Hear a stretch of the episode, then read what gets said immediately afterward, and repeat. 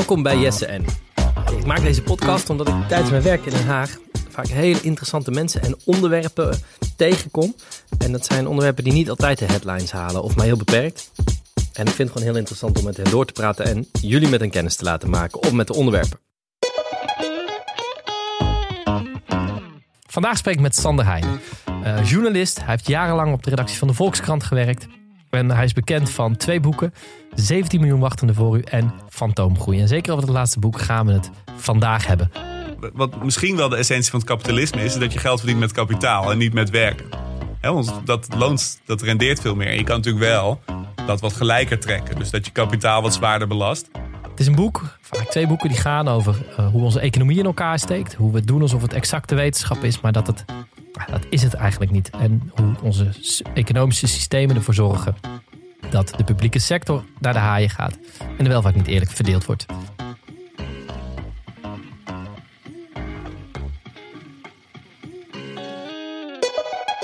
Ik zit hier met Sander Heijnen, uh, onderzoeksjournalist, uh, schrijver van de, twee boeken.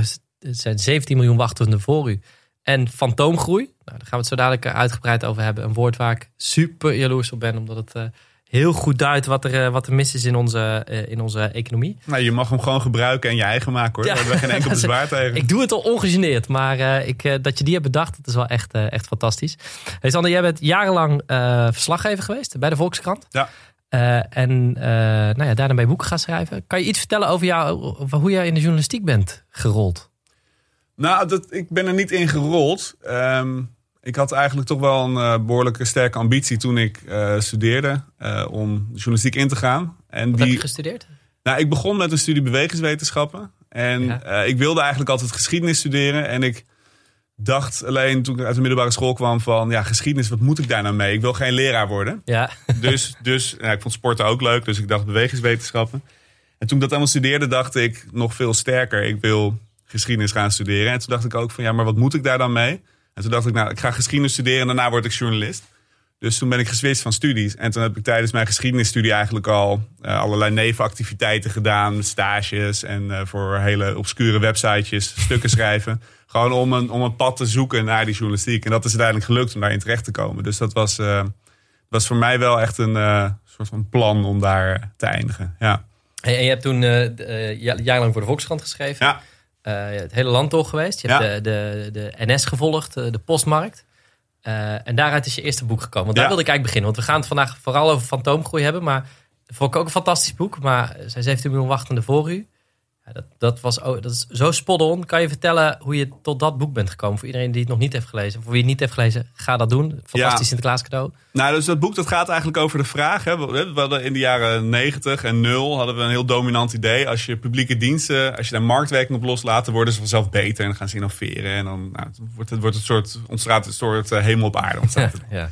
En um, ik kwam in 2010 kwam ik bij die Volkskrant te werken op de redactie economie. Nou, ik wist helemaal niks van economie. En wat je dan gaat doen is, je begint dan als beginnend verslaggever gewoon met simpele reportages maken. Dus uh, schoonmakers gaan staken. Nou, ga maar naar die uh, demonstratie en gaan aan ze vragen waarom ze staken.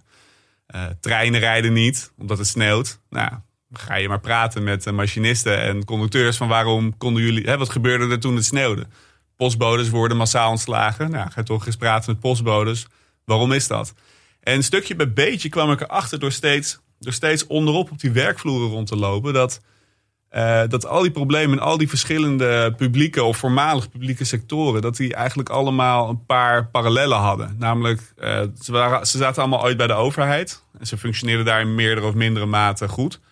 Um, ze zijn naar de markt gegaan en dat heeft een eigen dynamiek op gang gebracht waarbij eigenlijk die publieke dienstverlening niet meer centraal stond, maar geld verdienen en alles daaronder geschikt aanraakte.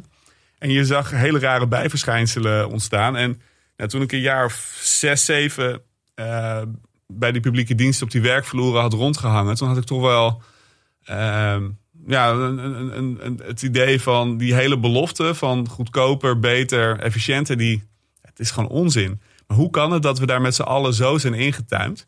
En dat is eigenlijk het vertrekpunt geweest voor, nou ja, voor 17 miljoen wachten. En daar heb ik echt heel erg op die marktwerking in de publieke sector uh, gefocust.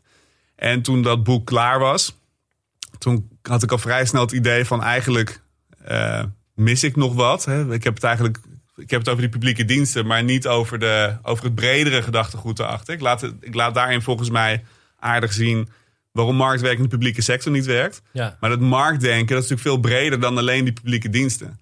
Dus fantoomgroei is eigenlijk ehm, het vervolg, het vervolg, op uh, 17 uur wachtende. Ja. Voordat we daarheen gaan, wilde ik toch even heel even stilstaan bij wat die markt nou heeft gedaan met publieke diensten. En ik vind dat in, in je boek komt het op, op verschillende manieren heel mooi terug. Maar zeker als het gaat over de postmarkt. Uh, en ook als het gaat over de, de, het treinverkeer.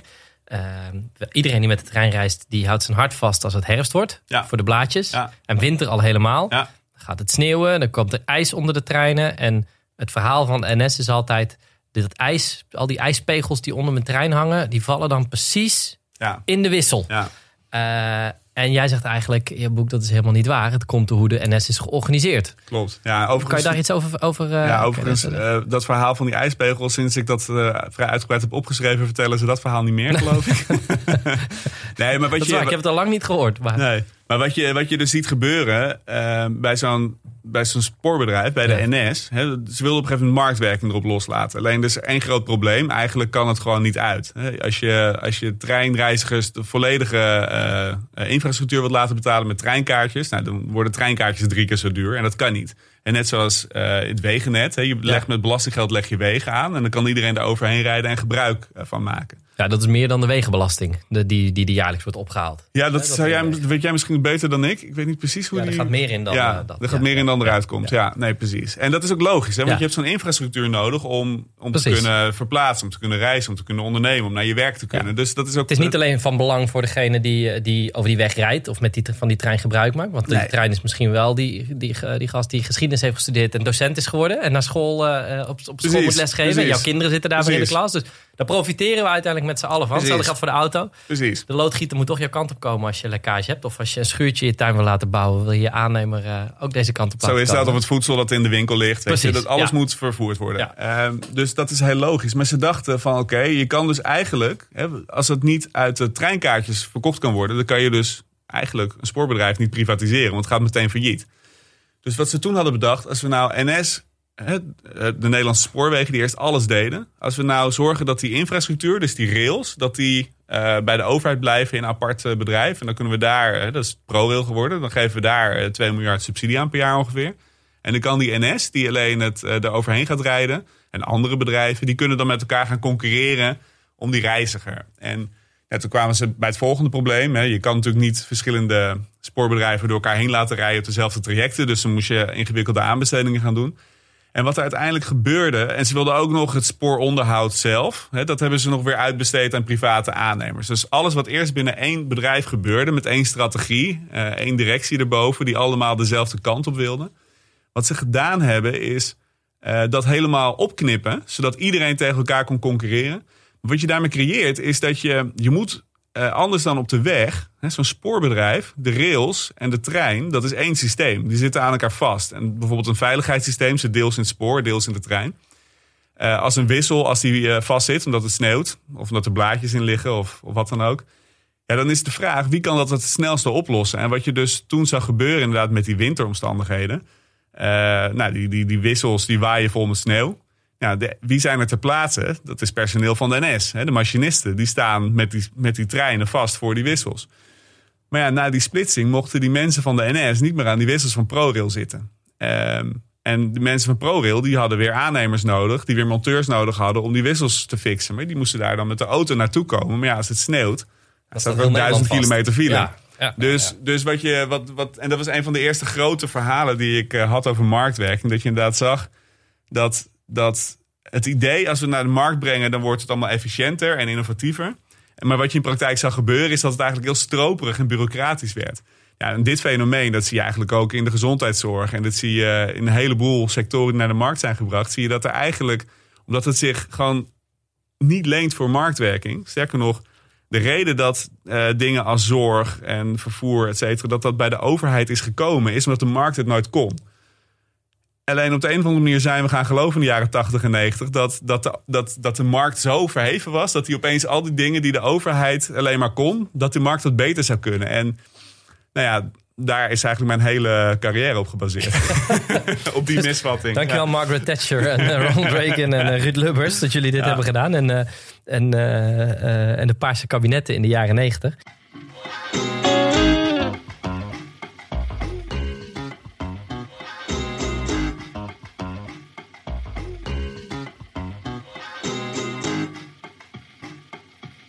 Toen ik dit had gelezen van je, ben ik uh, ook wel eens ben ik met, gewoon op het station machinisten gaan, gaan praten. En één machinist was zo aardig om mij een keer mee te nemen. Op de bok? op, precies, van Utrecht naar Den Haag. en die legde me eigenlijk precies uit wat er nou gebeurde. En waar je op moet letten. En wat nou het verschil was. Een man die was, denk ik, eind 50. En die legde het verschil uit tussen zijn opleiding die hij had gehad... en de opleiding die ze nu krijgen. En hij zei, wij kregen echt nog techniek uitgelegd. Want wij moesten gewoon die trein rijdend houden. Uh, dus je had gereedschap in de trein. Je moest uitstappen inderdaad om een wissel als er iets mee wist was en dat op te lossen. Je belde zelf de meldkamer uh, om iets te melden. En wij regelden dit. Wij regelden dit eigenlijk met elkaar. Ja. Uh, en die nieuwe machinisten worden niet meer zo opgeleid. Want je hoeft nog maar één ding te kunnen. Het is, het is eigenlijk, Mark, Mark zal die naar kijken met een blik van toltje zo. Maar de specialisatie is zo ver doorgeslagen dat ze een radertje zijn geworden in het hele systeem. In plaats van dat zij uh, eigenlijk alle facetten van, van, van zo'n treinsysteem snappen. En dat ja, ze waren daadwerkelijk machinisten. Ze konden die hele machine konden ze, konden ze repareren, daar konden ze alles mee. En, en dat is inderdaad fascinerend. Dus wat je ook ziet, op het moment dat er vanuit, uh, het is echt vanuit de politieke theorie, is die marktwerking losgelaten op, die, op zo'n publieke sector. Dus als je kijkt naar het spoor, als je vanuit de politieke theorie kijkt zonder met die werkvloer te praten en zonder echt te, te snappen wat er op de grond gebeurt, dan ga je kijken, oké, okay, zo'n machinist, nou die bestuurt een trein. Ja, punt. Punt. Ja. Precies. En uh, de, de monteur die regelt het spoor. Weet je, maar in praktijk is het natuurlijk nergens zo dat iemand maar één ding doet. Hè. Heel veel dingen uh, op werkvloeren die worden gewoon en passant opgelost door de creativiteit en de verantwoordelijkheid van mensen. En op het moment dat je, dat je het gaat proberen te verpakken in kant-en-klare marktproducten, die je vanuit Excel-sheets kan meten en in de gaten kan houden wat er gebeurt. Nou, volgens mij gaat economisme daar deels ook over. Maar zodra je dat gaat proberen, dan maak je een totale karikatuur van de werkelijkheid. Ja. En als je dan vervolgens op basis van die karikatuur uh, je land gaat organiseren, ja, dan krijg je dus hele rare fenomenen. We zitten nu midden in die toeslagenaffaire. Uh, maar je hebt op allerlei vlakken heb je dit soort dingen. Als je bijvoorbeeld kijkt naar de post, dat vind ik ook echt, dat is echt een grote schande. Maar vroeger die postbodes, die, die hadden ook een functie in de sociale toezicht in zo'n wijk. Die wisten precies wie waar woonde. Uh, nou, die eh, spraken misschien kinderen ergens op aan. Dat je, die, hadden, die hadden een veel bredere functie dan brieven bezorgen. Nou, op een gegeven moment is die post is geprivatiseerd. Postboden zijn ontslagen. Dat zijn heel onderbetaalde krachten geworden. En een paar jaar geleden, toen zag ik een persbericht van PostNL. Die waren aan het proberen om aan gemeentes te verkopen dat ze ook sociaal toezicht konden houden met postbuilers in de wijk. Ja, weet je, en sinds die privatisering is dat dan opeens een apart productje geworden of zo. En, en, en ja, dus, dus, en dit zie je dus in die hele publieke sector. Nou, dat zijn volgens mij 186 publieke diensten in meerdere of mindere mate naar de markt gebracht. En uh, nou ja, het is eigenlijk nergens, nergens een onverdeeld succes. Dus er zijn natuurlijk zijn sommige dingen zijn beter geworden. Ja, telefonie. Daar kunnen we het volgens mij snel over eens zijn. Ja, dat is op zich. Ja, en dan dat is, in mijn boek heb ik dat ook opgeschreven. Dan krijg je meteen allemaal brieven van mensen. Ja, maar er is zoveel. Uh, de Opta die houdt zo streng toezicht op die markt. Dat het eigenlijk geen markt eigenlijk, Nee, precies. nou ja, je kan zeggen. Ik, ik zeg telefonie. Uh, eh, KPN is, is, is naar de markt. De markt is vrijgegeven. Er zijn meerdere aanbieders gekomen. Volgens mij werkt het daar. Eén, omdat het toezicht, er, uh, het toezicht zit er heel strak. Aan de andere kant kan je ook zeggen dat het niet werkt, omdat het namelijk een hele kritieke infrastructuur is. Dus nu zijn er allerlei buitenlandse. Dus voor ons als consument werkt het, zou ik willen zeggen. Maar er zijn zoveel buitenlandse investeerders die denken dat is interessant. Of allerlei landen die denken, nou daar kunnen we strategisch in investeren. Als de Chinese overheid ons uh, telefonienetwerk eh, beheert. Precies, ja, en dat wil je vinden niet. we dat wenselijk. Ja. Dat vind je niet wenselijk. En daarmee zul je als overheid toch een veel grotere rol moeten spelen. En uh, er zijn er een aantal landen die opteren die je zeker niet de baas wil, de baas wil laten zijn. Nee. Ehm, eh, om, om gewoon minder kwetsbaar, uh, daar, daar minder kwetsbaar te zijn. Nou ja, wat het volgens mij laat zien, en, en dat is volgens mij ook als we naar fantoomgroei gaan, is hoe je. Uh, en daar gaat inderdaad ook ging economisme, de mythe van het economisme over. Hoe je denkt dat je ehm, kan benchmarken wat er gebeurt. Dus dat je allemaal productjes kan maken en daar pakketjes onderling vergelijkbaar. Daar is de zorg aan, aan kapot gegaan. Het, het, eh, de, het, spoor. Want ook als je in de zorg nu spreekt. Ik heb heel veel mensen rond in het kader van corona. heb heel veel mensen die werken in de zorg gesproken. En een van de grote problemen is de roostering. Daar zijn tegenwoordig allemaal aparte roosteraars voor. En het is allemaal heel ingewikkeld. Ja. Zeiden, vroeger regelden we dit zelf. En de meeste mensen, die ouderen die ik spreek, zeggen... ja, volgens mij werkte ik misschien toen nog wel harder. Maar ik had in ieder geval het gevoel dat ik zelf verantwoordelijk was. En je nam een dienst van een collega over. En dat is nu allemaal uit die teams gehaald. Ja, en het maakt het veel ingewikkelder. Want er is dus iemand apart verantwoordelijk voor het roosteren. Dat was vroeger helemaal niet. Dat regelde je gewoon. Jongens, jullie zijn van deze afdeling. Uh, er moeten voldoende mensen zijn. En op de een of andere manier. Precies, mensen nemen dat, hun verantwoordelijkheid met elkaar. Die zijn niet in die zorg gaan werken om. Uh, om uh... Nee, en nu doen ze het ook, maar nu doen ze het met zo'n sik, omdat ze worden opgebeld. Sorry, je moet komen. Ja. En toen deden ze het niet, ik moet komen. Maar. Nee, nee dat kon je ook veel makkelijker onderling regelen. Ja. Van joh, mijn kind te zien, kunnen we even. Weet je, dat, dat, dat hele informele, wat, wat het cement is van je, van, je, van je samenleving. En daarmee ook van het functioneren van je publieke diensten. Dat is inderdaad, dat is eigenlijk, dat hebben ze helemaal eruit proberen te knippen. En dat ja, mijn stelling is, dat kan je echt alleen maar doen als je gewoon nooit op zo'n werkvloer bent geweest. Als je nooit zelf dat soort werk hebt gedaan. En als je gewoon ook op geen enkele manier geïnteresseerd bent in, in hoe dat werk in elkaar zit. In de uitvoering. In de uitvoering. Hoe dat, je, als, je, als je laat opleiden tot manager of uh, bestuurskundige en nooit de moeite neemt om even op een werkvloer te komen, maar meteen zeg maar die toppen wilt. Hè. Overigens, in Politiek Den Haag heb je natuurlijk ook genoeg politici die nooit ergens anders hebben gewerkt dan in de politiek. Uh, en bij sommigen gaat dat heel goed. Maar ik denk dat er ook heel veel wetgeving en heel veel, uh, uh, nou, heel veel politieke maatregelen die totaal niet werken in praktijk, dat je die heel goed kan terugvoeren op gewoon gebrek aan, aan ervaring gewoon binnen de maatschappij. En tegelijkertijd, ik zeg dit en ik, ik weet ook, hè, ik heb natuurlijk in die zin een makkelijke positie. Ik hoef alleen maar te kijken waar het allemaal misgaat. en ik hoef nooit verantwoordelijkheid te nemen voor uh, toekomstplannen. Nee, ik ben het met je, nee, maar ik ben het met je eens. Volgens mij heeft het deels te maken met, met dat je. Soms is het gebrek aan de ervaring van de werkvloer. En dat je ziet wat, wat speelt. Dat heeft ook te maken met uh, dat er hetzelfde type mensen uh, op, op een plek zitten.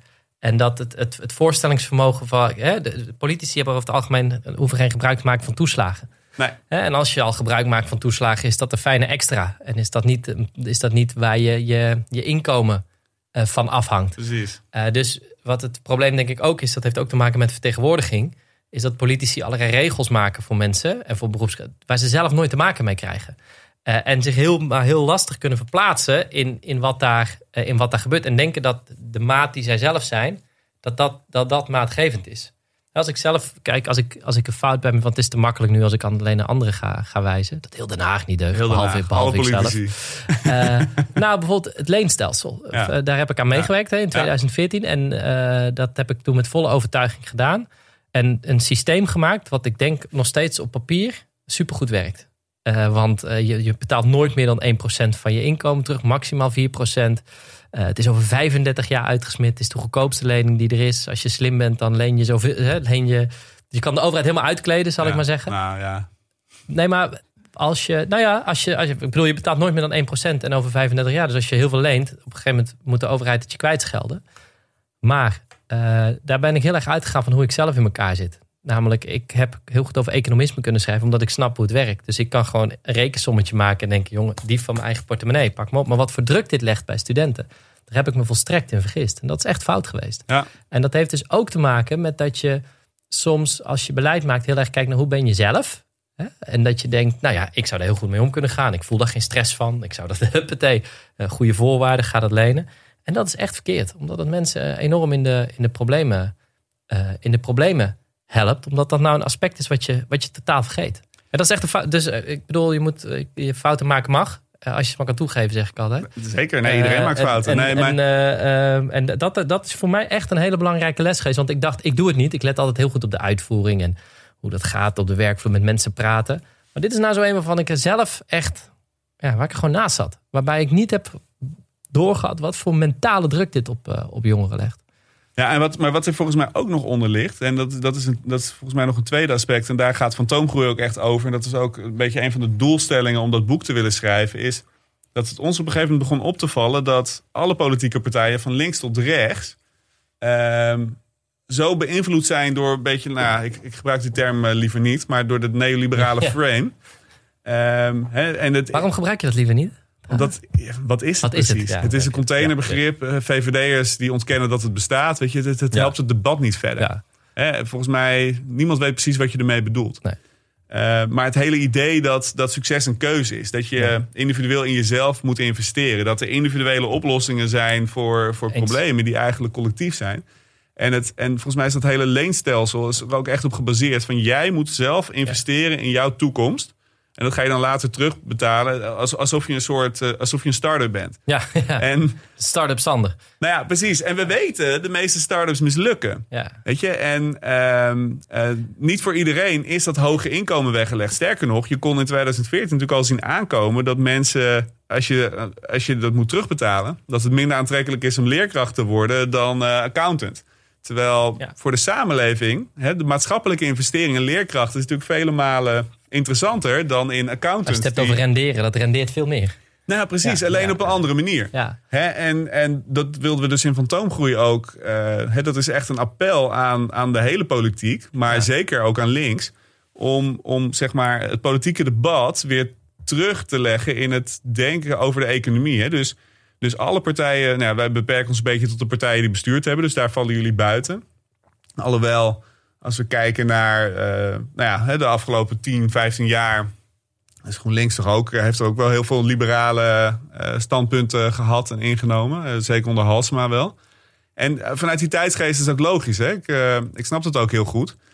Maar als je, als je inderdaad ehm, kijkt naar, naar de economie. Je kan op hele verschillende manieren naar een economie kijken. En de afgelopen, ja, een beetje sinds de PvdA de ideologische sfeer heeft afge, afgeschud. Het was heeft uh, Wim Kok, in 1994, dat hij dat uh, zo begin Ja, volgens mij uh, in 87 schudde hij die veren af. Volgens mij was het al eerder. Was het nog eerder? Ja, volgens mij eind jaren 80, ja. Voordat hij met Lubbers in zee ging. Die, maar maakt niet uit. Iemand... We, hadden, we hadden de Europa Cup gewonnen. bijna. zoiets, ja. ja. Een luisteraar gaat ons nu factchecken en kijken wie er gelijk heeft. En de ander wordt afgemaakt. Ja. In de comments. Wie, wie, wie het juiste antwoord heeft, die, krijgt iets, die sturen we iets leuks op. Ja, precies. Die krijgt het boek. Ja, kijk, dat is een goede. Um, maar, ja, maar wat je, nee, dus, dus, dus, dus, iedereen, hè, dus, dus eigenlijk de essentie van dat idee was: als we nou zorgen dat die economie groeit, ja. dan komt die, die, die welvaart, die rijkdom, die zijpelt naar alle geledingen door. Eigenlijk en iedereen is, is, verantwoordelijk voor zijn eigen succes binnen dat model. Want iedereen kan, uh, kan alles van zichzelf maken. En, en dat hele denken, ja. dat is eigenlijk nooit betwist. Of te weinig, veel te weinig. En, en uh, misschien de SP, die zaten een beetje anders in.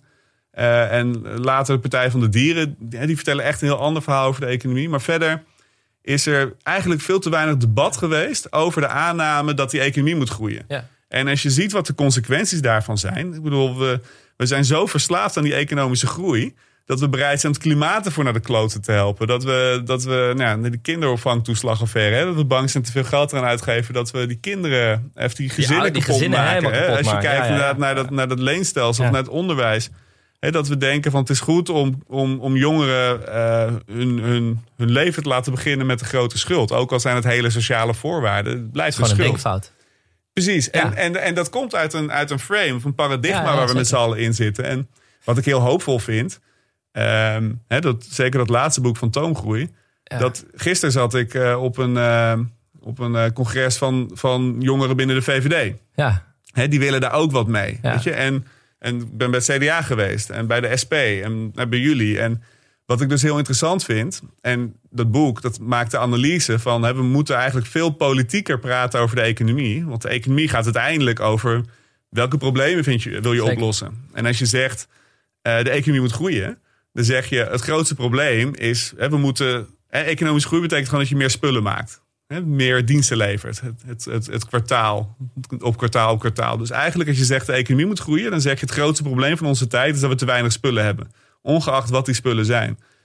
En in fantoomgroei willen we laten zien van, als je nou economie anders definieert, dus, dus niet economie gelijkstelt aan groei, aan het BBP en aan de hoeveelheid spullen die je maakt, als je dan zegt, het grootste probleem van onze tijd is misschien wel, waarschijnlijk, klimaatverandering en de kloof tussen, tussen arm en rijk. Zeg maar, die, als je nou zegt, dat zijn de twee grootste problemen van onze tijd. In ons huidige denken proberen we die problemen steeds in lijn te brengen met dat we meer spullen moeten maken. Terwijl als je dat nou loslaat en zegt, economie en, en de kracht van economisch herstel is de mate waarin we erin slagen om die twee problemen op te lossen, als groep mensen, als samenleving dan, dan bevrijd je jezelf en dan kan je, dan kan je het gaan hebben over wat zijn nou de belangrijkste problemen om op te lossen. En dan zullen ze bij Forum zeggen uh, dat, dat de cultuur uh, kapot gaat. En uh, de boeren zullen zeggen en dat... bedoelen ze niet met de theaters, maar bedoelen ze eigenlijk dat er veel kleur in Nederland komt? Ja, dat is eigenlijk wat ze bedoelen, ja. ja. Dat Zwarte Piet niet meer mag. Precies.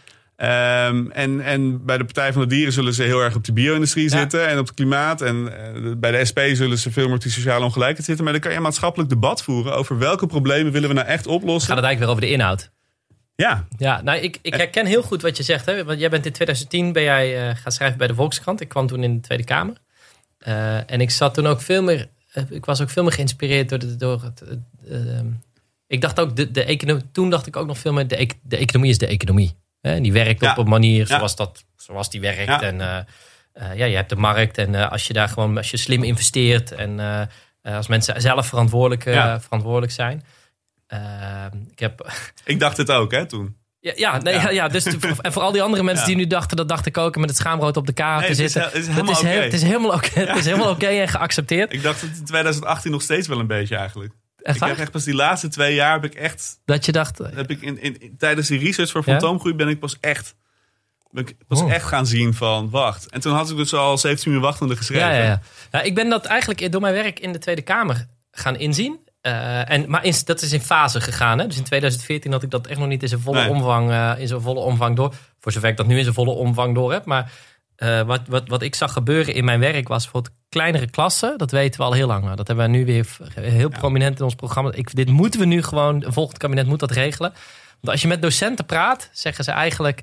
Nee, wat is de oplossing? Er is heel veel druk in het onderwijs. Dan gaan er allerlei slimme mensen over nadenken. Ze zeggen, nou, we moeten een extra assistent in de klas. En we moeten een extra zus. En dan moeten we lestijden net zo. Allemaal oplossingen. Terwijl als je met docenten praat, zeggen ze... Nou, wat ik zou willen, is gewoon 20 kinderen in mijn Ja, klas. 20 in plaats van 30. In plaats van. 30. En eigenlijk ja, is, er heel, is het ook fijn als er een klassisch assistent is. Of het curriculum net anders vormgeeft. Maar dan heb ik gewoon aandacht voor. eh, dan heb ik gewoon meer aandacht voor al die individuen. Dat, eh, dat helpt mij. En toch doen we het niet. En hoe komt dat?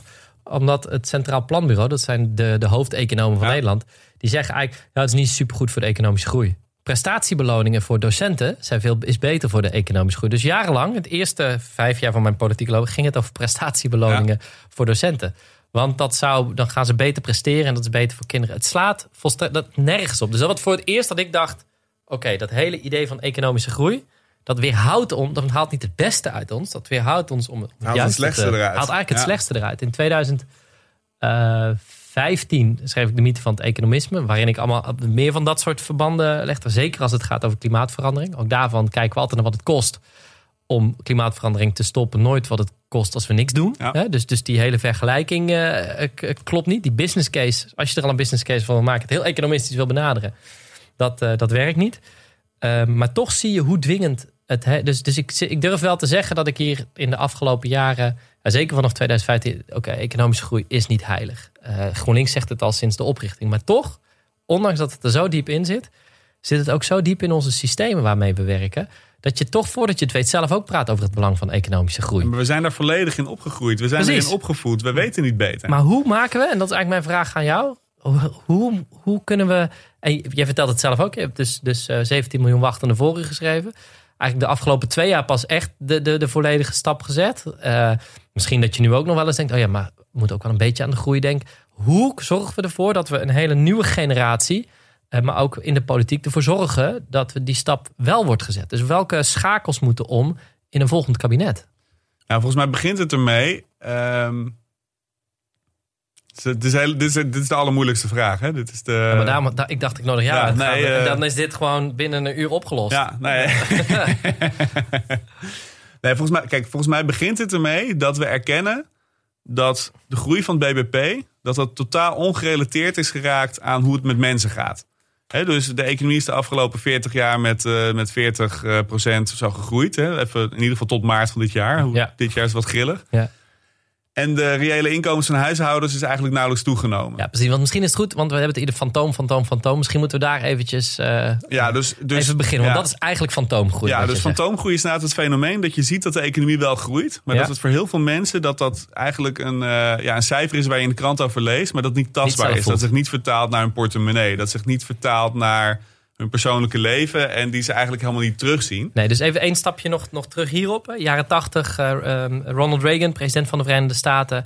Uh, de eerste die het had over Make America Great Again. Maar ja. de trickle-down economics. Het hele idee dat als de totale economie groeit, dat iedereen profiteert. Het reizende tij, het tij wat omhoog komt, dat neemt alle bootjes mee omhoog. Precies. Uh, dus het enige wat je hoeft te doen als politiek is, is niet te herverdelen. Gewoon zorgen dat de economie groeit en iedereen profiteert. En dat blijkt, dat is een belofte. Ja. En die blijkt gewoon niet waard te zijn. Die blijkt gewoon niet waard te zijn. Absoluut en dat weten we eigenlijk al best, best wel lang. Ja. Want we zien die trend, die heeft zich eigenlijk al in de jaren tachtig ingezet. En uh, nou, dat, dat gaat ieder jaar met, met een paar tiende procent loopt het uiteen. Ja, als je dat 40 jaar doet, hè, sinds corona snappen we wat beter hoe. Uh, hoe uh, kan niet met het woord komen. Um, kwadratische groei, nee, exponentiële, exponentiële groei. groei. Ja. We snappen nu wat beter hoe exponentiële groei werkt. Ja. Hè? Dat klein procentje op een procentje op een procentje, hoe hard het uit elkaar gaat. En wat je dus nu inderdaad ziet, is dat, ik zag toevallig vanmorgen nog een grafiekje voorbij komen. Ja, de onderste 50% van de inkomens, die hebben hun, uh, hun inkomen de afgelopen 40 echt behoorlijk hard zien dalen. Gewoon in absolute zin zien dalen. Ja. Terwijl uh, de bovenste 10%, ja, die, heeft, die is een enorme vlucht omhoog gemaakt. Dus je ziet, je ziet letterlijk in al die grafieken zie je die kloof ontstaan. En dat, dat die ruimte tussen, tussen de, hoe de economie groeit en wat mensen aan inkomen ervaren, zeg maar, dat gat daartussen. Ja, dat is wat wij fantoomgroei zijn gaan noemen. Om, om, een, om een begrip te hebben om daarover te kunnen praten, om het te kunnen adresseren. En kijk, wij zijn ook helemaal niet tegen groei aan zich. Wij zijn er helemaal niet dogmatisch in. Uh, Hendrik Noten, mijn co-auteur en ik. Uh, sommige dingen mogen best groeien. Ik denk dat het aantal windmolens op zee, dat dat best mag groeien. Ik denk dat dat best goed is voor ons. Uh, als de wereldbevolking groeit, is het ook goed als de voedselproductie groeit. Anders dan krijgen mensen honger. Weet je? Dus wij zijn helemaal niet tegen groei aan zich. Alleen, wij hebben de afgelopen 40 jaar hebben we een turbo proberen te zetten op economische groei, ongeacht wat dat was. En op het moment dat je dat doet, dan, uh, dan, dan zeg je dus letterlijk een, een pakje sigaretten verkopen. Uh, nou, dat is beter voor de samenleving, want dan groeit de economie dan, uh, dan zorgen voor je zieke ouders. He, want daar ja. uh, wordt geen geld voor betaald, dus doet dat niks voor de economie. Terwijl het voor je samenleving natuurlijk veel beter is om daar onderscheid in te maken. Dus, dus fantoomgroei gaat over het, het idee dat als je, en daarmee kom ik terug op jouw oorspronkelijke vraag. Als je denkt dat iedere vorm van economische ontwikkeling, dus van, van groei, dat dat goed is zolang je in dat frame gevangen blijft, dan is het dus ook heel verleidelijk om te kiezen voor sectoren die eigenlijk helemaal niks doen voor mensen. Dus dan ga je een hele grote bankensector bouwen, zoals hier in Amsterdam, die Zuidas. de enige reden dat het aantrekkelijk is om te investeren in de financiële sector, is dat er gaat heel veel geld in rond. Dus het doet veel voor je economie, maar het zijn maar heel weinig banen. En het is een klein groepje die er heel goed uh, aan verdient. Maar het grootste deel van de mensen ziet die groei helemaal niet terug nee. in zijn portemonnee. Die, die, krijgt er geen werk uit. En um, en, en, en, en wat dus nog interessanter is, dat hele fenomeen economische groei tot 1991 of 92 uit mijn hoofd. mag ook iemand googlen. Staat ook wel in mijn boek. Maar uh, toen werden de, uh, de omzetten van de financiële sector, financiële producten, die zaten niet in het, in het BBP. Dus die maakten toen nog geen onderdeel uit van economische groei. En tot die tijd, omdat gedacht werd, dat zijn sectoren die zijn dienend aan de reële economie, aan bedrijven die echt iets maken. Dus tot die tijd was het ook helemaal niet interessant voor landen om te investeren in een grote financiële sector. Want het was gewoon een dienst, een, een, een dienende sector. En op het moment dat de, dat de financiële lobby zich een weg tot BBP in heeft gelobbyd bij de Verenigde Naties. Ja, vanaf dat moment is het opeens heel interessant om te gaan investeren in de City, in Londen, in, in de Zuidas, in Amsterdam, in, in Frankfurt, in het financiële stelsel. En dan gaat die economie harder groeien. Maar het raakt dus ontkoppeld van hoe het gaat met de samenleving. Dus en daarmee kom ik terug op je vraag. Het eerste wat moet gebeuren is dat we in politiek Den Haag gewoon los weten te komen van het idee dat, die, dat BBP altijd moet groeien. En dat is best ingewikkeld, want je zei het zelf al, het Centraal Planbureau. Als jij een verkiezingsprogramma gaat opschrijven, gaat het Centraal Planbureau gaat uitrekenen wat doet dat voor de groei van dat BBP. En als dat negatief is, dan zegt, en dat doen de, de, de pers, publiek, iedereen doet daaraan mee. Zeg ja, maar dat is een naïef programma. Dat is slecht voor de economie. Dus, dus daar moet je niet op stemmen. Dat wordt dan meteen afgefikt. Kijk, Ik zou je nog meenemen in, in, iets heel actueels wat er nu, nu speelt. Ons verkiezingsprogramma hebben wij een enorme aanval op precies die fantoomgroei. Dus, dus Ja. de, de, de, de, de, de, de armoede die daardoor is ontstaan. Er zijn namelijk twee manieren voor. We gaan zo dadelijk door over wat, wat voor economische groei wil je dan wel. Want daar moet het debat over gaan.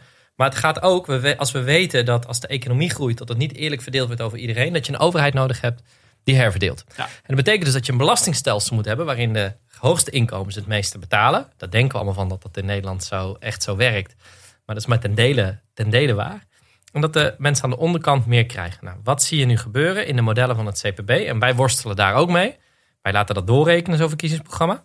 Wij gaan het ontzettend goed doen op, uh, op, op het terugdringen van armoede en die welvaart eerlijke verdelen. Maar er zit een afruil. Hoe beter je doet in armoedebestrijding, hoe groter effect je zou hebben op de werkgelegenheid. Omdat de modellen gaan ervan uit dat als mensen het, het ruimer in ja, ietsjes beter krijgen, dat ze dan minder zouden gaan werken. Dus dan zegt het CPB, ja, maar wat u doet is heel slecht voor de werkgelegenheid in Nederland.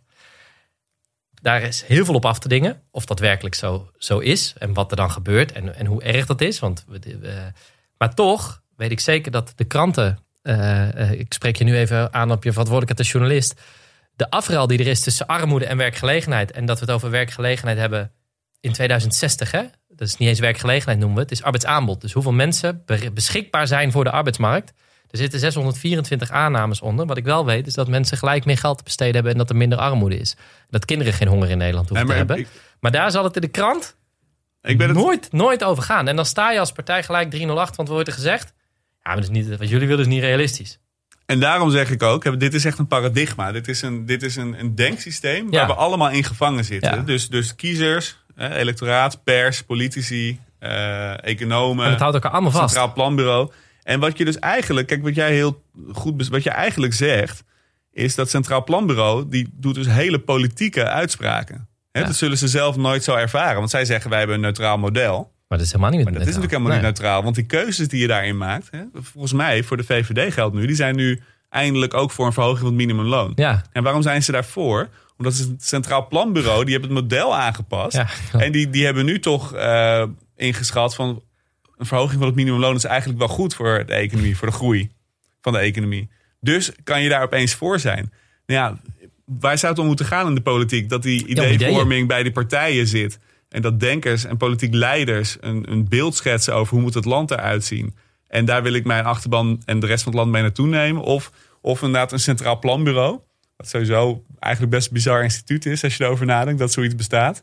die, die, die dan even een voldoende of een onvoldoende geeft voor jouw verkiezingsprogramma. En dat iedereen daar zijn mening op afstemt. Ja, en zijn stem op afstemt. Nou, wat ik het interessant vind aan het, aan het CPB, het, het heeft een, in zekere zin een disciplinerende werking. Dus, dus wat, ik er, wat ik er goed aan vind, is dat uh, ze kijken wat kost een maatregel. Hè? Of wat levert het op? Want partijen zeggen, als je goed naar politieke partijen luistert, dan zeggen ze: we nemen de JSF niet. En daar denken ze, daar denk je dan alles van te kunnen betalen. En dat er een, een, een, een, rekenmeester is die zegt: ho, ho, wacht even. Nu wilt u te veel. Hè? Dit, dit, dit gaat, dat is, op zich is dat heel goed. Alleen de absolute waarheid die eraan wordt gekoppeld.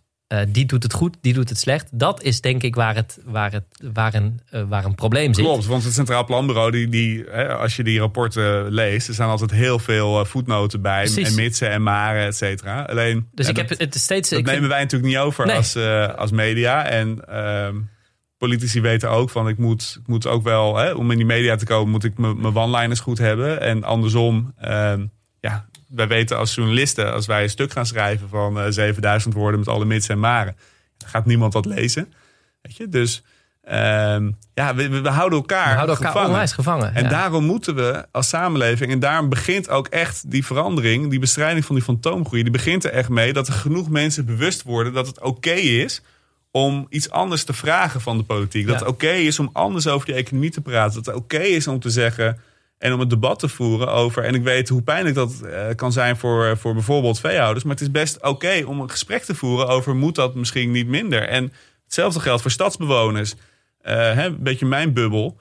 Uh, het is oké om een debat te voeren dat we niet meer overal heen moeten vliegen de hele tijd. Weet je, ik bedoel, dat is natuurlijk het equivalent van wat, wat hè, vanuit de stad is het heel makkelijk om naar boeren te schoppen. Ja. En die produceren tenminste nog eten. Ja. Weet je, ja. bedoel, wij willen gewoon de hele tijd naar, naar, naar Indonesië of New York op vakantie. Terwijl je natuurlijk ook prima met de auto naar Frankrijk kan. Ja. Um, dus ik zou, ik zou het ook wel die boeren adviseren om dat debat iets meer die kant op te duwen. Want volgens mij uh, ben je dan veel effectiever. Maar het is oké om dat soort gesprekken te voeren. Maar tegelijkertijd Ehm, en daarom snap ik ook, het is heel bedreigend voor mensen. Dus er moet meteen ook een nieuw perspectief achter liggen. Weet je, we moeten met elkaar gaan nadenken van oké, waar willen we nou, waar zijn we het nou met elkaar over eens? En wat voor perspectieven kunnen we daarin schetsen? En, en daarom vond ik ook die hele discussie over, over die landbouw. Ik wilde er eigenlijk niet over beginnen, maar ja, als, als je dan, maar nu we er toch zijn. Nu we er toch zijn. Nee, maar bedoel, als je, als je dan inderdaad als boer hoort van de veestapel moet worden gehalveerd. Terwijl je net enorm hebt geïnvesteerd. Ja. In plaats van dat er iemand naar je toe komt met een uitgebreid plan van hey, zullen we. Hè, bedoel, er, moet wel voedsel worden verbouwd. Zeker. Weet je, dus, uh, dus als er een duidelijk perspectief ligt. En dat geldt voor eigenlijk al die grote problemen die we nu hebben. Volgens mij moeten we ons eerst bevrijden van die gedachte die economie moet groeien. Het is oké om hele andere, op hele andere termen over problemen te praten. En dan perspectieven schetsen. En daar moeten we elkaar mee naartoe nemen. En ja, ik ben de eerste om te erkennen dat, dat wij als media, hè, zal ik maar even, hè, zoals jij als eh, politici eh, daar zit, wij als journalisten, wij, wij, de, ja. wij spelen daar ook een hele, uh, nou ja, niet een hele constructieve rol in.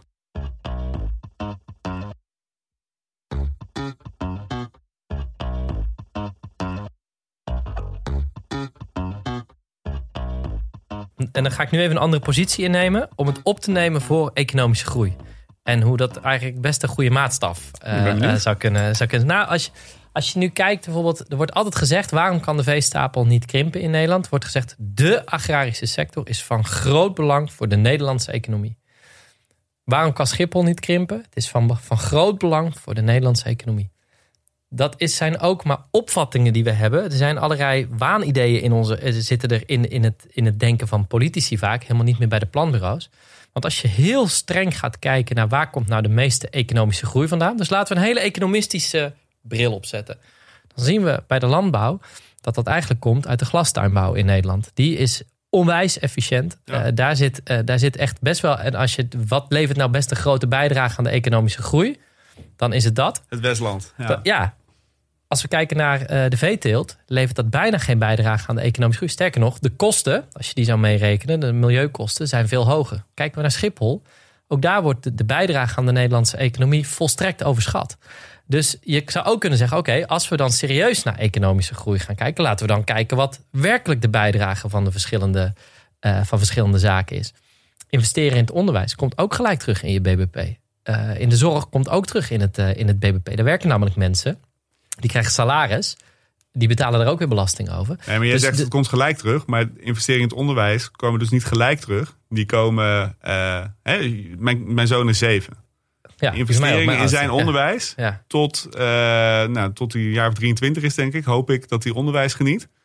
Dus we moeten nog 15 jaar uh, in hen investeren. En dan vervolgens, hè, dus vanaf 2000, uh, eh, goed rekenen, vanaf 2035 tot ja. 2080 gaat het renderen. Mijn zoon is ook 7. Ik zit nu even 2035, jeetje. Dan is ja, dan, dan zijn wij best oud. Dan zijn we oud, zijn ja. 23. Oké, okay, dit moet ik even verwerken. Ja, los daarvan, ja. duurt nog best wel lang. Ja. En dat is eigenlijk mijn punt. Weet je, die, die investering in het onderwijs. Kijk, waarom is onze economie nu zo sterk? Dat is omdat we vanaf de jaren 50 enorm zijn gaan investeren in het onderwijs. En, en zo'n investering die betaalt zich op lange termijn echt ongelooflijk goed terug. Maar dit is wel de taak. Dit is uiteindelijk de taak van, van uh, uh, de politiek, maar ook van journalistiek, om iets verder te kijken. Maar zeker van de politiek, laat ik maar weer even namens iedereen spreken.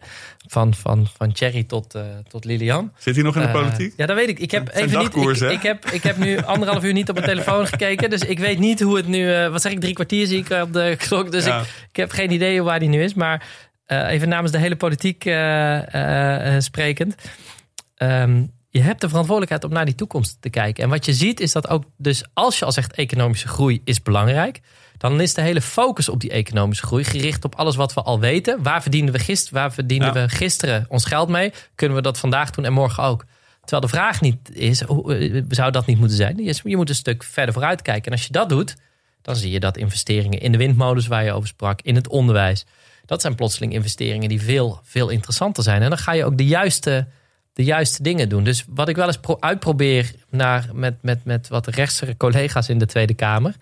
Eh, omdat ik denk, je moet niet naar groei kijken. Dat is in ieder geval waar ik vandaan kom. Dat is helemaal niet belangrijk. Maar als je het nou eens omprobeert te draaien, laten we eens kijken waar dan voor tien jaar de groei zou moeten zitten. Dan krijg je net iets anders gesprek. En dan zie je dat Schiphol helemaal niet zo belangrijk is. Of, de, of de veeteelt. Of dan is onderwijs veel belangrijker. Dan is die duurzame energie veel belangrijker. Dat is waar onze kansen voor de toekomst liggen.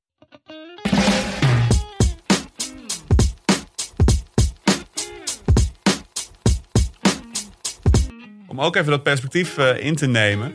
Um, als je de hele andere voorwaarden stelt aan die producenten. Ik bedoel, um, hè, mijn kritiek op die marktwerking uh, op de publieke sector is dat wat vanuit studeerkamers allemaal bedacht is en er niet met de praktijk is gepraat.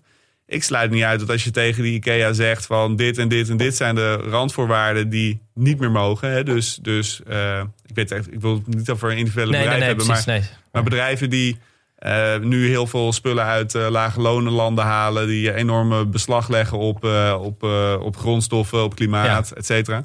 Als je die aan hele andere voorwaarden zich laat houden, dus, dus zeg je mag geen, je, alles moet gewoon CO2-neutraal zijn over tien jaar ja, echt wel dat ze gaan proberen om, om manieren te vinden om dat voor elkaar te krijgen. Dus, dus je kan ook die. die je kan sturen als overheid. Dat marktdenken, dat heeft echt wel goede kanten ook. Alleen het punt is, en dat, en dat probeer ik uh, met name rechtse partijen uit te leggen, is je moet. Uh, een markt kan ook niet bestaan zonder een overheid. En die overheid die bepaalt de spelregels binnen die markt. He, uh, in 1970 gingen er tegen de 10.000 mensen per jaar dood in het verkeer in Nederland. Weet je, echt die orde grootte. En op een gegeven moment hebben we een veiligheidsriem verplicht gesteld in de auto. Ja, dit, In het begin waren er wat mensen die, die vonden dat een beperking van hun vrijheid. Ik hoor echt nooit meer iemand die zegt die gordel in mijn auto is een beperking van mijn vrijheid. Die redt je leven als je het nodig hebt. En ik, omdat ik mensen dat niet... oom, mijn oom van mij, hij leeft helaas niet meer. Die heb ik nog lang gehad die dat vond. Maar dat was, die, dat, dat was er één die op... Uh, dat was één van de vijf mensen in Nederland dus, volgens dus, mij. Die dus dat die hou je. Hè? Je Ja. houdt een paar Ja, mensen. Je, ja, je, je, hebt inderdaad zelfs mensen die hem dan gewoon standaard achter hun rug hebben... om die verklikker uh, Ja. tegen te Kom gaan. zeg als maar. ja, taxichauffeurs tegen die dat ja, ja. Maar goed, uh, over het algemeen... Ik snap je. Ja. En, en, en, en wat ze dus moeten doen. En, dus ik ben ook helemaal niet. Ik vind ook helemaal niet dat je de markt per se moet afschaffen. We hebben in, in Oost-Europa gezien dat een volledig staatsgestuurde economie. Werkt, nee. Dat werkt helemaal niet. Je moet initiatief laten, maar je moet die spelregels, die moet je goed. ehm, die moet, je, die moet je goed stellen. En je moet dus op de een of andere manier kijken van waar hebben we autogordels nodig. Om te zorgen dat we niet met z'n allen het ravijn instorten. Ik heb hier... eh, en als we erin storten, dat je er, hele, er, er heel uitkomt. Dat je een parachute je hebt. om, eh, parachute ja. hebt. Hey, Jessin vraagt mij namelijk, en volgens mij hebben daar, heb je daar net antwoord op gegeven. Wat zou volgens Sander een juiste marktwerking zijn? Maar als ik het in mijn woorden zou mogen samenvatten, zeg ik, het gaat uiteindelijk over. Een markt is er altijd, dat is van alle tijden geweest. Alleen die moet je niet volstrekt vrijlaten. Een overheid moet daar regels, eh, moet daar regels Ja, bepalen. en dat doen we nu ook. Hè? Ik Ja. bedoel, eh, als we de rechtsstaat afschaffen en de politiemacht afschaffen. en überhaupt het feit dat je dingen kan bezitten. dat is een juridische constructie. Als je, als je dat loslaat, dan bestaat er geen markt meer. Nee. Weet je, dus het zijn ook de regels die we, die we zelf. We bepalen echt zelf hoe die markt eruit ziet. En, en we zeggen nu van ja, we vinden het niet belangrijk om eh, sociale zekerheid echt te beschermen. Weet je, we vinden het niet belangrijk om het klimaat wezenlijk te beschermen. Dus doet die markt dat niet. Maar op het moment dat je inderdaad zegt, eh, nou ja, alle auto's moeten over. eh, Boris Johnson, die notabene, die zegt in 2030 moeten auto's in het Verenigd Koninkrijk CO2-neutraal zijn.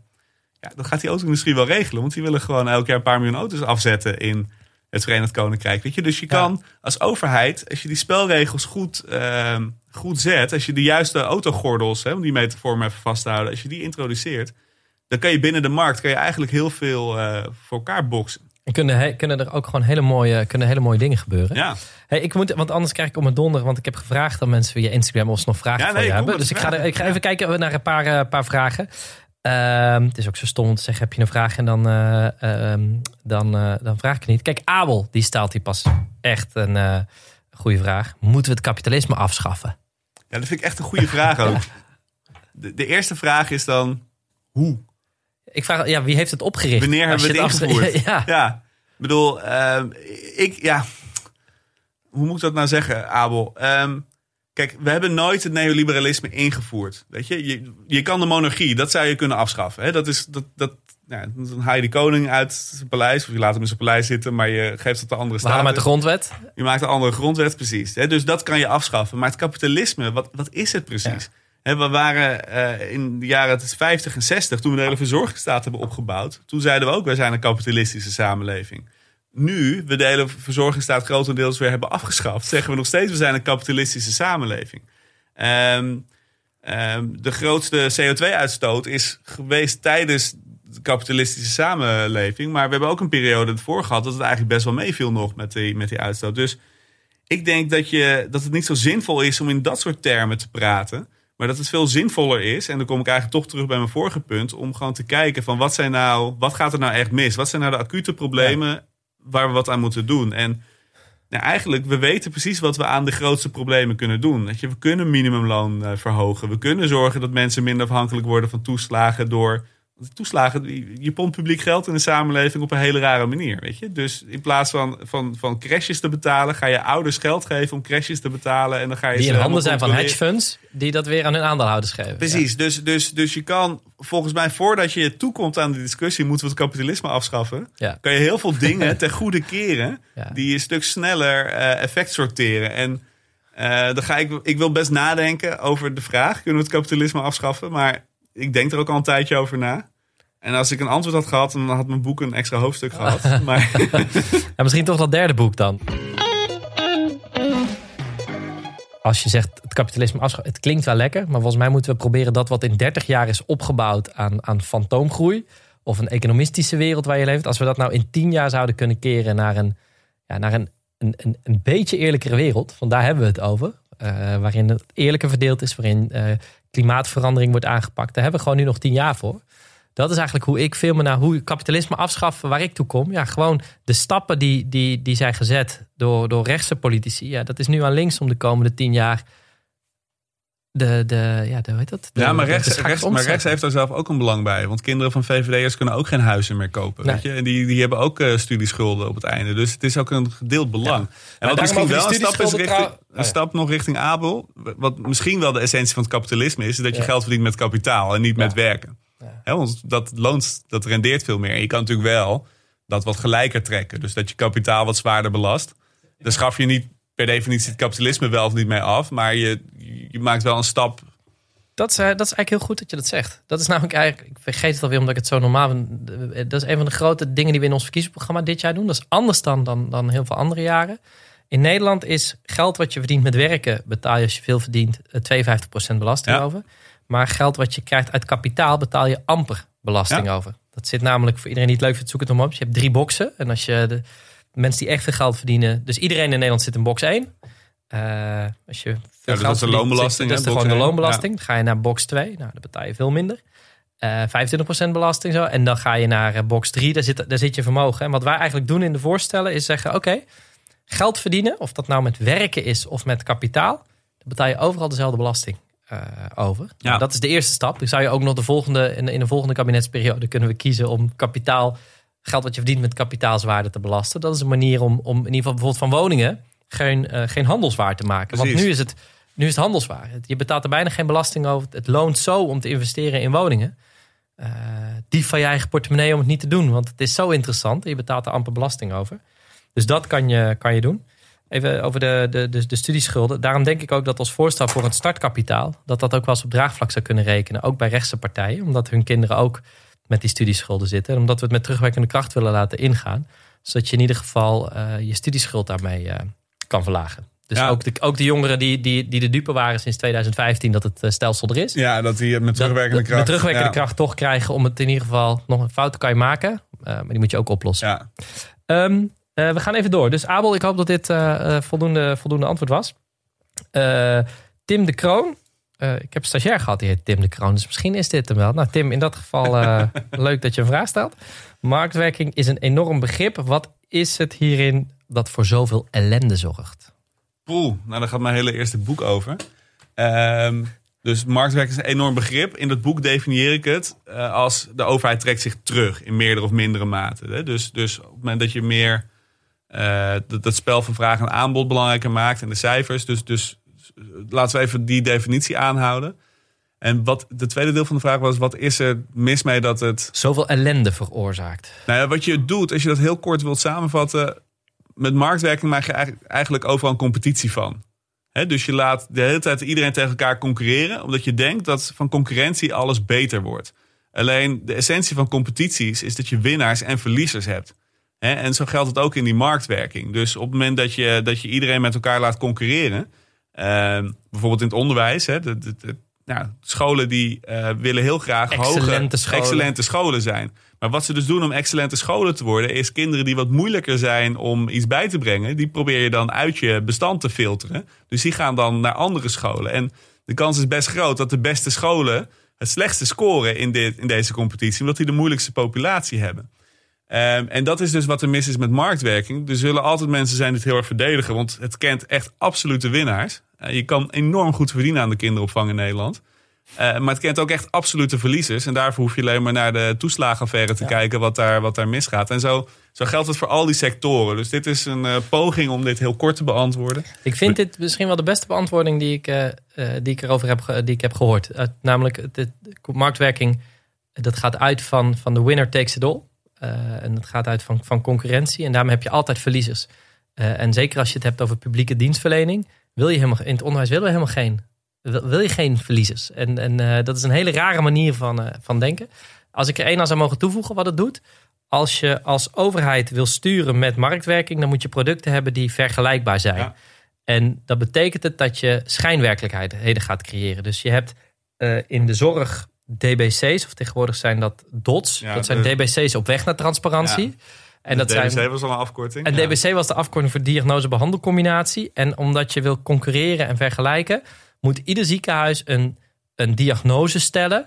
En dat moet allemaal op dezelfde manier gebeuren, zodat verzekeraars kunnen kijken, ja, dat kunnen vergelijken en daar hun tarief op af kunnen stellen. Dat zorgt voor een enorme uh, uh, papieren ja, bureaucratie bij die ziekenhuizen. Dat is waarom er zoveel formulieren ingevuld moeten worden door artsen en verpleegkundigen. Ik zat ooit tegenover een zorgverzekeraar, of een uh, zorgverzekeraar, een directeur van een ziekenhuis. En die vertelde mij dat hij net twintig verpleegkundigen had ontslagen. Om budget vrij te maken om meer boekhouders aan te kunnen nemen. Want hij had die boekhouders nodig om aan de zorgverzekeraar te kunnen aantonen met die dots. Dat hij zijn budget wel goed aan uh, zorg besteden. Ja. dus dus, dus zo'n stelsel creëert zijn eigen, zijn eigen Kafkaeske werkelijkheid.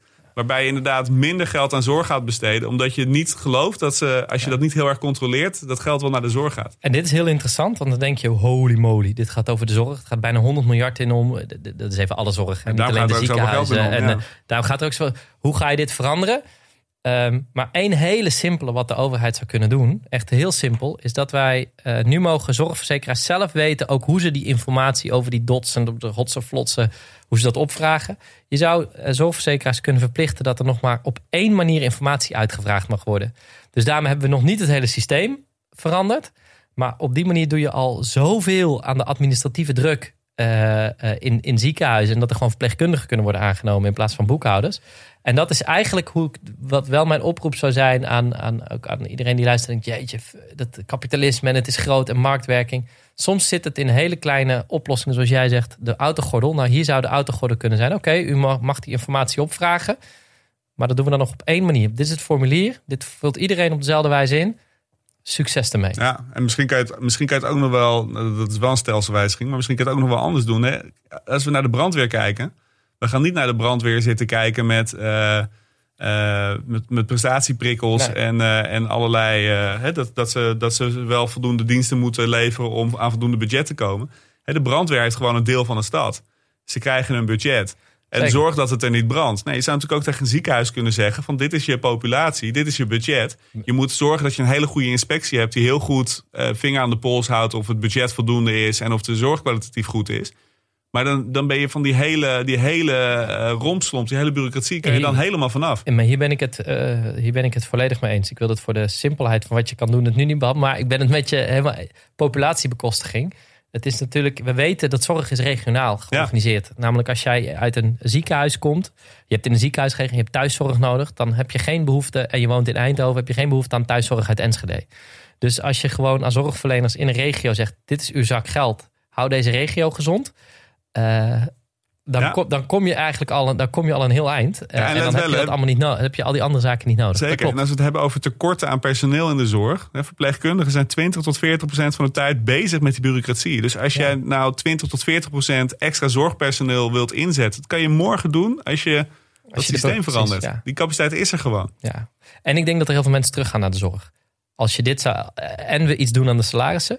Maar ook als we ervoor zorgen dat je gewoon weer je werk kan doen. Ik heb echt zoveel verpleegkundigen gesproken die, die uh, gewoon het gevoel hadden dat hun werk werd afgepakt. Dat ze gewoon niet meer de zorg konden leveren die ze, die ze wilden leveren. Omdat ze alleen maar aan het afvinken, alleen maar aan het afvinken waren. Daarbij komt trouwens ook, maar dat is een heel ander probleem. Tot slot, ik zie iemand bewegen in mijn ooghoek. Dat betekent meestal dat iemand de hand omhoog. Dat we te lang doorpraten. ja. zijn. maar uh, wat je ziet is deels komt door de overheid. Maar soms komt het ook gewoon door hoe besturen. Dus, dus het systeem wat de overheid oplegt van marktwerking, dat, dat zorgt voor problemen. En soms is dat een wettelijk probleem. Maar schoolbesturen of uh, besturen van ziekenhuizen, die gaan, daar zit ook een marktdenken in. Dus die gaan, dan heeft de overheid het eigenlijk al niet goed geregeld, maar zij doen er nog een, nog een, schepje, schepje bovenop. Er komen er allerlei protocollen waar je aan moet voldoen. En die maken het nog eens erger. En dus ook de vraag, mijn taak als politicus is: hoe zorgen we ervoor dat we dit in de politiek veranderen, dat we die, die systemen uh, veranderen. Maar vervolgens moeten we ook zorgen dat werk, werknemers stevig genoeg staan op de werkvloer om te zeggen: wacht eens even, dit is de wet. Uh, we hoeven dit niet te doen als ziekenhuis of als school. Het bestuur denkt erom, ik ga dit niet uitvoeren. Dus ze moeten ook een soort van weigerrecht hebben om te zeggen: oké, de laatste keer dat ik checkte, hoeven wij dit helemaal niet te doen. Dus ik ga dit niet uitvoeren. Succes. En dat ze dan beschermd zijn en niet worden ontslagen. Ja, en dat brengt ons eigenlijk bij een thema waar je op zich een podcast aan zich over kan maken. Maar um, al die managers, beleidsmakers, ambtenaren, die zijn allemaal opgeleid binnen ons huidige economische paradigma van die marktwerking, van het creëren van die competities, van het laten groeien van het BBP. En eigenlijk wat je dus zou willen, is dat die, hè, die zijn heel eenzijdig opgeleid in Nederland. Dat je die veel breder, uh, veel breder economische blik geeft. Dat er heel andersoortige oplossingen nodig zijn. Want op dit moment heeft het grootste deel van die beleidsmakers eigenlijk niet de intellectuele gereedschappen in hun, in hun, in hun toolbox. Om op een andere manier naar die systemen te kijken. En dat is ook een van de grote uitdagingen waar jullie straks voor staan. Hè. Stel, je wordt uh, zo groot dat je premier van dit land wordt dan zit je nog steeds met een, met een ambtenarenapparaat en een bestuursapparaat. dat eigenlijk maar één type oplossing kent. Zeg maar de neoliberale oplossing. En die moet je eigenlijk ook allemaal. Die moet je op de een of andere manier allemaal ook bijscholen. dat er hele andere denkrichtingen mogelijk zijn. Want zolang die dat niet beseffen. dan worden mensen op de werkvloer. en dat heb ik al die jaren gezien. Die worden mensen die zeggen het moet anders. want praktisch blijkt dit of dat. Hè, die wissel die zit vast. Ik ben er gewoon die worden weggezet als ja, maar dat zijn, dat zijn laag opgeleide sukkels, die snappen dat niet. Terwijl die donders goed zien wat er in de praktijk gebeurt. En uh, misschien is dat nog wel de grootste uitdaging die je straks hebt. Uh, op het moment dat je daadwerkelijk gaat besturen, is hoe krijg je uh, wat wij nu bespreken, hoe krijg je dat door al die systemen in zo'n heen, apparaat, in, zo'n apparaat, apparaat, van een ministerie, uh, ja. En dat is, dat is denk ik wel een meerjarenproject om het ja, eufemistisch uh, ja. uit te drukken. Nou, en dat gaan we, dat gaan we niet nu vanmiddag oplossen. Dat is misschien inderdaad wel een, een, een, een aparte podcast waard.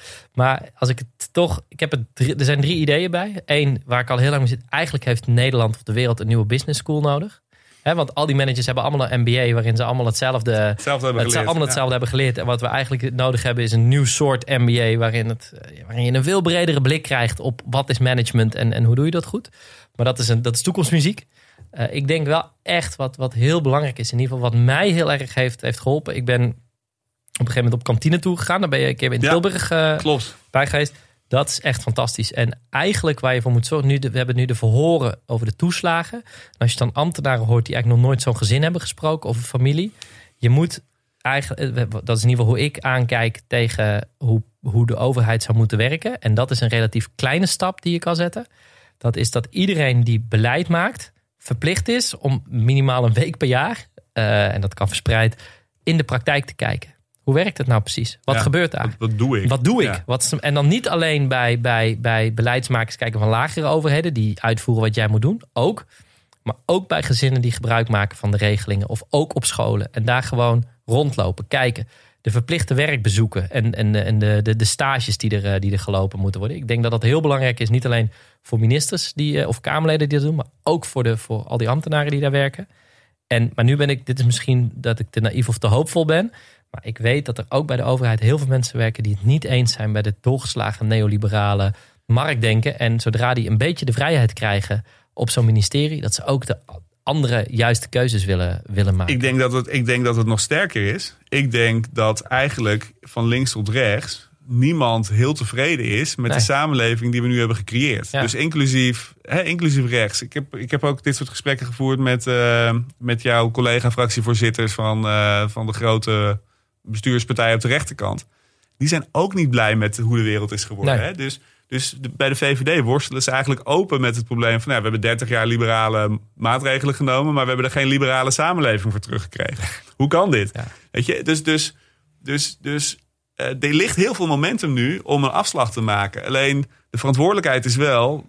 welke afslag wordt het? Gaan we, gaan we, gaan we uh, terug naar nog meer fantoomgroei? Want er zijn ook heel veel denkers die zeggen... ja, nee, maar de reden dat, dat die hele uh, marktwerking niet werkt in de publieke sector. Dat we te weinig marktwerking hebben losgelaten. Weet je? Dus, dus die stroming heb je ook. Hè? En uh, ja, je, je, moet, en dat is echt een, een appel ook aan, eigenlijk aan alle politieke partijen. Um, nu is echt het moment, we hebben nog tien jaar tot 2030 voor dit klimaatprobleem. Nou dat klimaatprobleem ga je alleen maar kunnen oplossen als er draagvlak voor is. Draagvlak heb je alleen maar als iedereen mee profiteert van de rijkdom en de welvaart die we hebben. Dus die twee problemen die moet je integraal oplossen. En we hebben geen tijd te verliezen. En dat, ja, iedere politicus die ik spreek, die probeer ik daarmee wel uh, dat, daarvan te doordringen. En dat, ja, dat zal voor een deel ook pijn doen in sommige maatregelen. En er zullen genoeg collega's van mij zijn die je dan naïef noemen of een dromer. Maar ja, volgens mij moet je daar doorheen. En dat is. Uh, uh, mij, mij, mij, mij, ik was overtuigd, maar heb je nog veel meer overtuigd. En heel, heel veel dank daarvoor. De komende tien jaar worden onwijs spannend. Maar vooral kunnen we het ook gewoon heel vet maken de komende ja. tien jaar. Want het momentum is inderdaad, je voelt het dan alles nog nooit zo groot geweest. Dankjewel. Graag gedaan. Um, en voor iedereen die denkt, wauw, dit was interessant of hier wil ik meer over weten. Uh, lees Fantoomgroei. Uh, en lees, uh, er zijn 17 miljoen, mensen, 17 miljoen wachtende voor Thanks. Dit was het gesprek met Sander Heijnen. Uh, ik vond het onwijs interessant om met hem door te praten over hoe je nou zoiets groots als het nou ja, neoliberalisme, kapitalisme, hoe je dat kleiner kan maken en behapbaar. Dat je ziet hoe dat in een heleboel jaren een economisch systeem is gebouwd dat niet eerlijk is. Maar ook hoe we dat in relatief korte tijd weer eerlijk kunnen maken. Dank aan mijn gast Sander Heijnen. Dank aan Dag en Nacht Media voor de productie. Laat een reactie achter op iTunes en wil je de hele uitzending met beeld zien? Kijk dan op mijn YouTube kanaal. Abonneer je op deze podcast in je favoriete podcast app, zodat je geen enkele aflevering mist. Dit was Jesse en tot de volgende.